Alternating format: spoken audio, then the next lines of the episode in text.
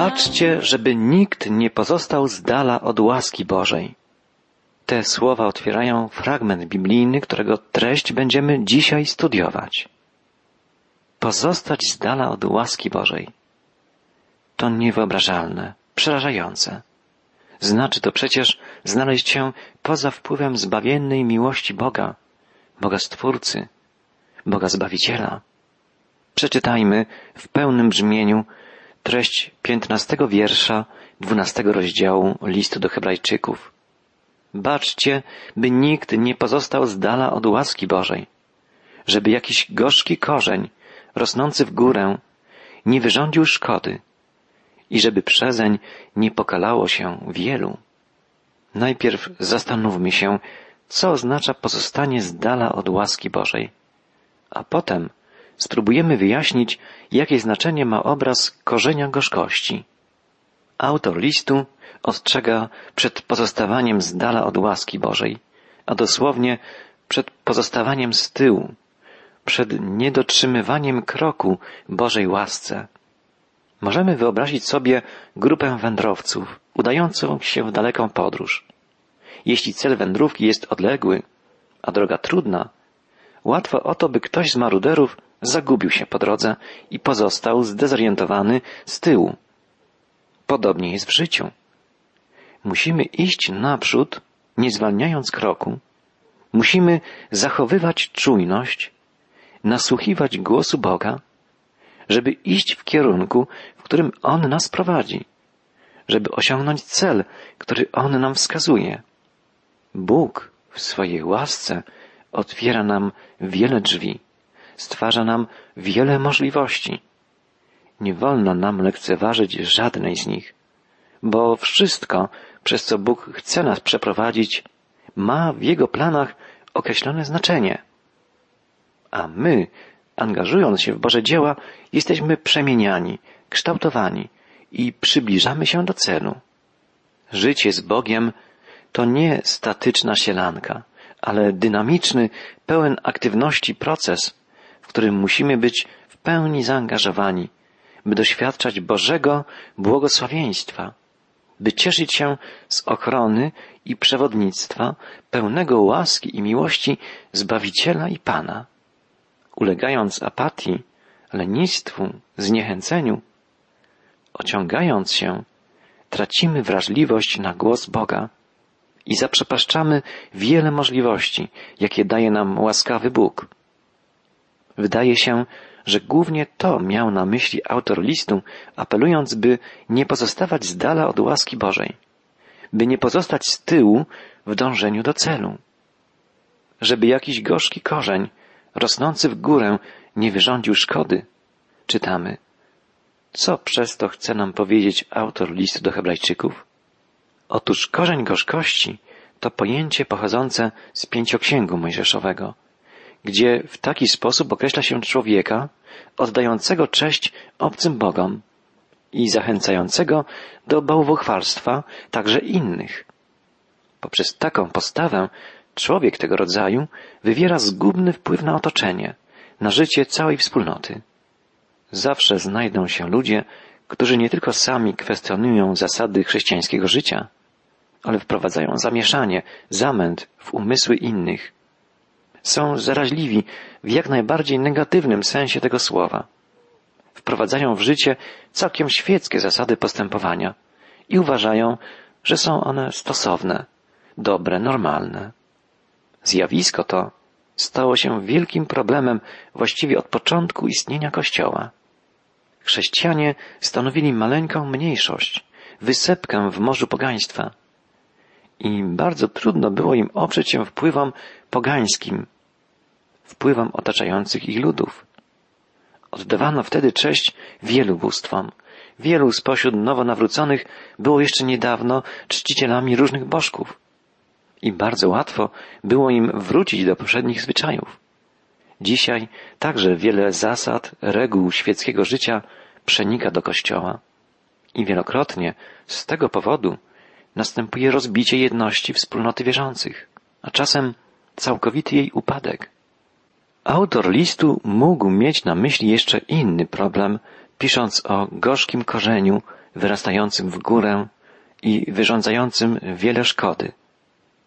Przypominam sobie wykład hinduskiego misjonarza Samuela Kamleysona, który jako korzeń gorzkości określił gorycz spowodowaną brakiem przebaczenia.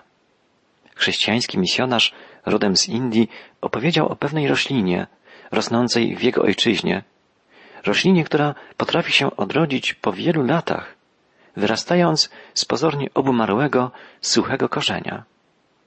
Kiedy w glebie, w której tkwi korzeń, pojawi się wilgoć, roślina odżywa, wyrasta na nowo.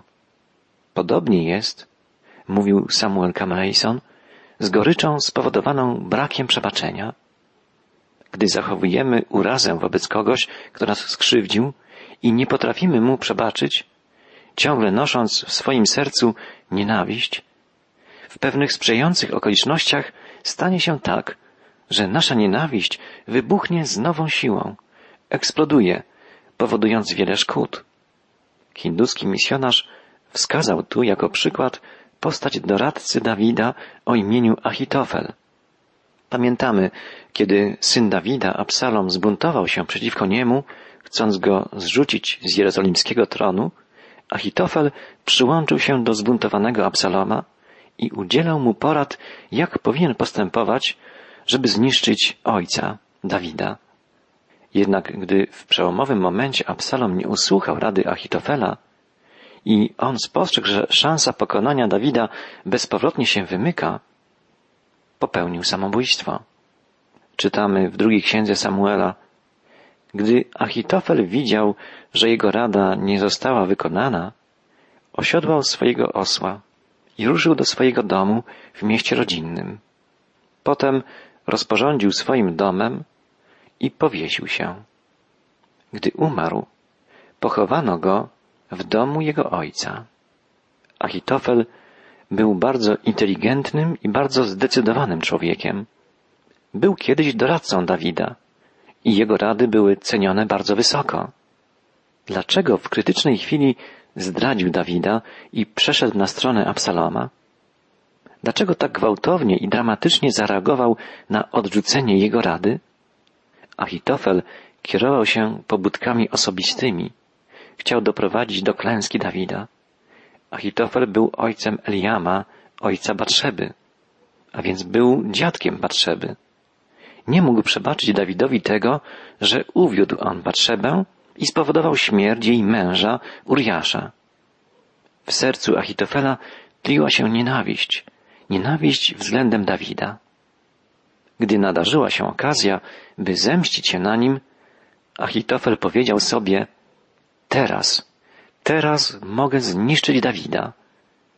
I całą swoją inteligencję oddał Achitofel na usługi Absaloma, by pokierować zbuntowanym synem, by doprowadzić do śmierci króla Dawida. Gdy jego plan runął, zamiast uśmiercić Dawida, Achitofel uśmiercił siebie. Ostrze nienawiści skierowane ku Dawidowi dosięgło samego Achitofela. Jak zdesperowany musiał być ten człowiek. Wydał zarządzenia odnoszące się do swojego domu, a potem poszedł i powiesił się. Nienawiść, brak przebaczenia, zgorzknienie to uczucia, które często wymierzone przeciwko innym niszczą tego, który je żywi, tego, który nienawidzi, tego, który nie chce przebaczyć. Pamiętajmy o tym, że gdy nienawidzimy, gdy nie chcemy przebaczyć, szkodzimy przede wszystkim sobie samym. Bóg zachęca nas w Piśmie Świętym wielokrotnie, żebyśmy nie nienawidzili, żebyśmy przebaczali, żebyśmy przebaczali wszystkim, nawet tym, którzy przeciwko nam zawinili i nie wyrażają względem nas skruchy. Modlimy się, Ojcze nasz, odpuść nam nasze winy, jak i my odpuszczamy naszym winowajcom. Czy odpuszczamy tym, którzy nas skrzywdzili? Czy przebaczamy im, tak jak Bóg przebaczył nam? Pozwólmy przemieniać się Duchowi Chrystusowemu. On jest Panem przebaczenia, jest pełen miłosierdzia, jest księciem pokoju. cudownym doradcą. Słuchajmy Jego głosu. Przebaczajmy swoim winowajcom. Nie pielęgnujmy w sercu nienawiści, złości, niechęci. Przypominajmy sobie stale słowa Chrystusa. Jeśli przebaczycie ludziom ich przewinienia, to Ojciec Niebieski przebaczy wam. A jeśli nie przebaczycie ludziom, to i wasz Ojciec nie przebaczy wam.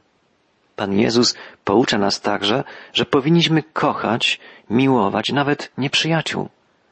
Jakże często jesteśmy nieposłuszni i walczymy na śmierć i życie z tymi, którzy nas w jakiś sposób skrzywdzili. Nie potrafimy im przebaczyć. Nie potrafimy przełamać wrogości, uprzedzenia. A przecież winniśmy dobrem przezwyciężać zło, miłością wypierać i pokonywać nienawiść. Oby Bóg pomagał nam w tym w każdym dniu naszego życia. Jeszcze jedną postać Starego Testamentu przywodzą nam na myśl słowa listu do Hebrajczyków.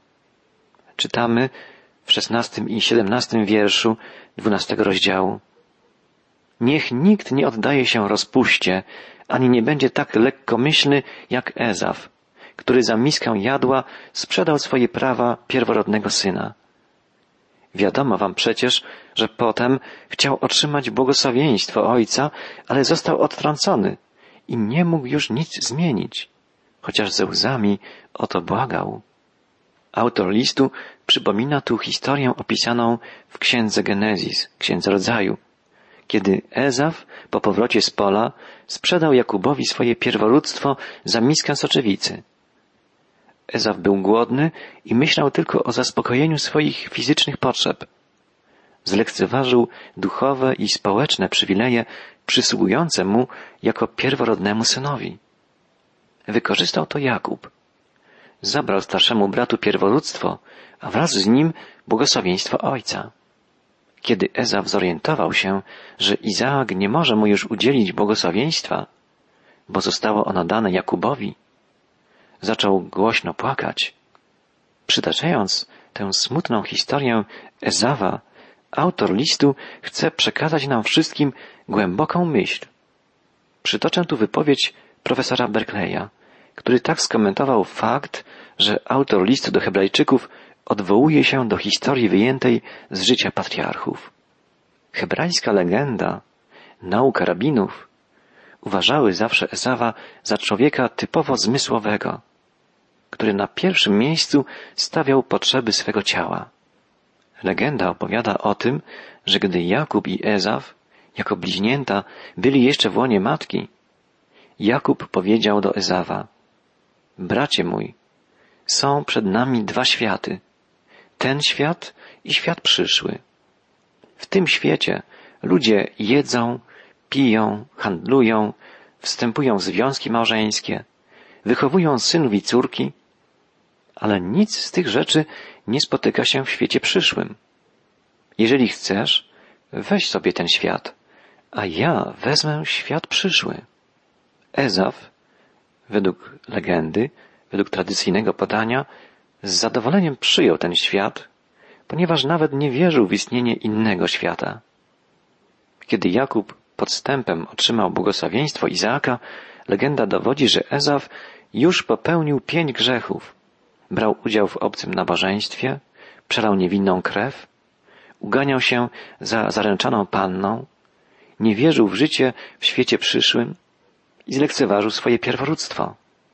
Rabini uważali Ezawa za człowieka zmysłowego, który poza przyjemnościami tego świata nie widzi żadnej innej, żadnej innej wartości. Taki człowiek sprzedaje swoje uprawnienia związane z pierworództwem, bo skoro odrzuca wieczność, to odrzuca także błogosławieństwo i dziedzictwo. Zgodnie ze starym, tradycyjnym przekładem, Ezaf nie znalazł miejsca pokuty. Pokuta to greckie słowo metanoia, znajdujące się w oryginalnym tekście listu. Dosłownie znaczy zmianę postawy umysłu. Inaczej można powiedzieć, że Ezaf nie mógł już zmienić swojej sytuacji. Nie znaczy to, że przebaczenie Boga stało się dla niego niedostępne. Jednak jest tutaj zawarta bardzo smutna prawda, że pewnych decyzji nie da się już zmienić. Pewnych konsekwencji nawet Bóg nie powstrzyma. Weźmy bardzo prosty przykład. Jeżeli młody mężczyzna straci swoją czystość moralną, czy dziewczyna swoje dziewictwo, nikt nie może im przywrócić poprzedniego stanu. Wybór został dokonany. Skutki tego wyboru pozostaną. Bóg chce, pragnie i może przebaczyć, ale nie może cofnąć wskazówek zegara. Drogi przyjacielu, powinniśmy pamiętać o tym, że nasze życie posiada ostateczny cel i sens. Jeżeli tak jak Ezaw pójdziemy drogą tego świata i rzeczy materialne uczynimy celem swego życia, jeżeli doczesne przyjemności postawimy przed wieczną radością, to Bóg nadal będzie chciał i pragnął i mógł nam przebaczyć, ale być może wydarzy się coś, czego nie można będzie już cofnąć. Słowa autora listu do Hebrajczyków są dla każdego z nas poważnym ostrzeżeniem przed lekkomyślnością, przed lekceważeniem spraw ducha, spraw wiary i przedkładaniem na dnie zamiłowania do materialnego zbytku, do korzystania z przyjemności czysto cielesnych. Zwróćmy uwagę, że w wypowiedzi, w której autor listu przypomina nam postać Ezawa, apeluje on bardzo mocno. Niech nikt nie oddaje się rozpuście. Jest to przestroga przed powrotem do bezbożnego życia. W oryginalnym tekście listu pojawia się tu greckie słowo bebelos, co znaczy bezbożny, niepoświęcony. Słowem tym określano człowieka będącego dyletantem w sprawach duchowych, człowieka niewtajemniczonego, nie interesującego się głębszą warstwą życia, albo wręcz wrogiego wobec wiary i wierzących. Takim słowem określano na przykład Antiocha Epifanesa, króla syryjskiego, który wsławił się okrucieństwem, z jakim zwalczał Żydów i ich wiarę. Postanowił on wytępić lud izraelski i jego religię. Zamordował dziesiątki tysięcy mieszkańców Jerozolimy sprofanował świątynię, zabrał z niej wszystkie naczynia sakralne, a w pomieszczeniach świątynnych urządził dom publiczny. Tak może postępować tylko ten, dla kogo nie ma żadnych świętości, kto nie ma szacunku dla uczuć i wierzeń innych. Tak więc człowiek, którego autor listu określa jako bebelos, czyli bezbożny, to ktoś, kto gardzi rzeczami duchowymi. Ktoś, kto nie liczy się z Bogiem, jest wrogiem tych, którzy w Boga wierzą, tych, którzy Boga kochają. Jest człowiekiem kierującym się jedynie ziemskimi, materialnymi wartościami. Poza tym światem nie widzi nic innego. Taka postawa prowadzi do upadku duchowego i moralnego i w ogóle do utraty ludzkiej godności. Człowiek bowiem jest kimś więcej niż tylko istotą przeznaczoną do egzystencji na tej ziemi przez kilkadziesiąt lat. Tym bardziej jest to widoczne, odkąd wiemy, jakie zamiary, jakie plany ma Bóg względem człowieka, ukazane nam w życiu, śmierci i zmartwychwstaniu Jezusa Chrystusa. Posłuchajmy, co pisze dalej autor listu. Wy nie stoicie u stóp góry Synaj, zionącej ogniem wśród nieprzeniknionych mroków i burzy, przy dźwiękach trąb, donośnego głosu. Ci, którzy ten głos słyszeli, prosili, aby przestał do nich mówić. Nie mogli bowiem znieść takiego rozkazu. Nawet gdyby zwierzę dotknęło góry, ma być ukamienowane. Zjawisko to było tak straszne, że sam Mojżesz powiedział, drżę z przerażenia. Wy natomiast stoicie u stóp góry Syjon, u bram miasta Boga żywego, niebiańskiej Jerozolimy, w obliczu niezliczonych zastępów anielskich i uroczystego zgromadzenia. Autor najpierw pisze o Starym Przymierzu, zawartym na górze Synaj. Góra, na której Pan przekazywał prawo Mojżeszowi, zionęła ogniem. Otoczona była ciemnością, chmurami i mgłą. Mojżesz otrzymał polecenie, by zakazać ludowi zbliżania się do góry, groziło to bowiem śmiercią. Jest to obraz niedostępności Boga, niemożliwości zbliżenia się grzesznego człowieka do świętego Boga. Ludzie słyszeli też grzmoty i prosili Mojżesza, by wstawił się za nimi, by prosił Pana o litość. Byli bowiem przerażeni tym, co słyszeli i co widzieli. Tak więc Bóg jawił się wtedy ludowi jako niedostępny, pełen majestatu i mocy, przerażający, święty, czyli oddalony, transcendentny, oddzielony. W Nowym Przymierzu natomiast lud wierzących staje wprost przed obliczem Boga. Przed obliczem Boga, który ukazuje się jako kochający, pełen przebaczenia i miłosierdzia Ojciec.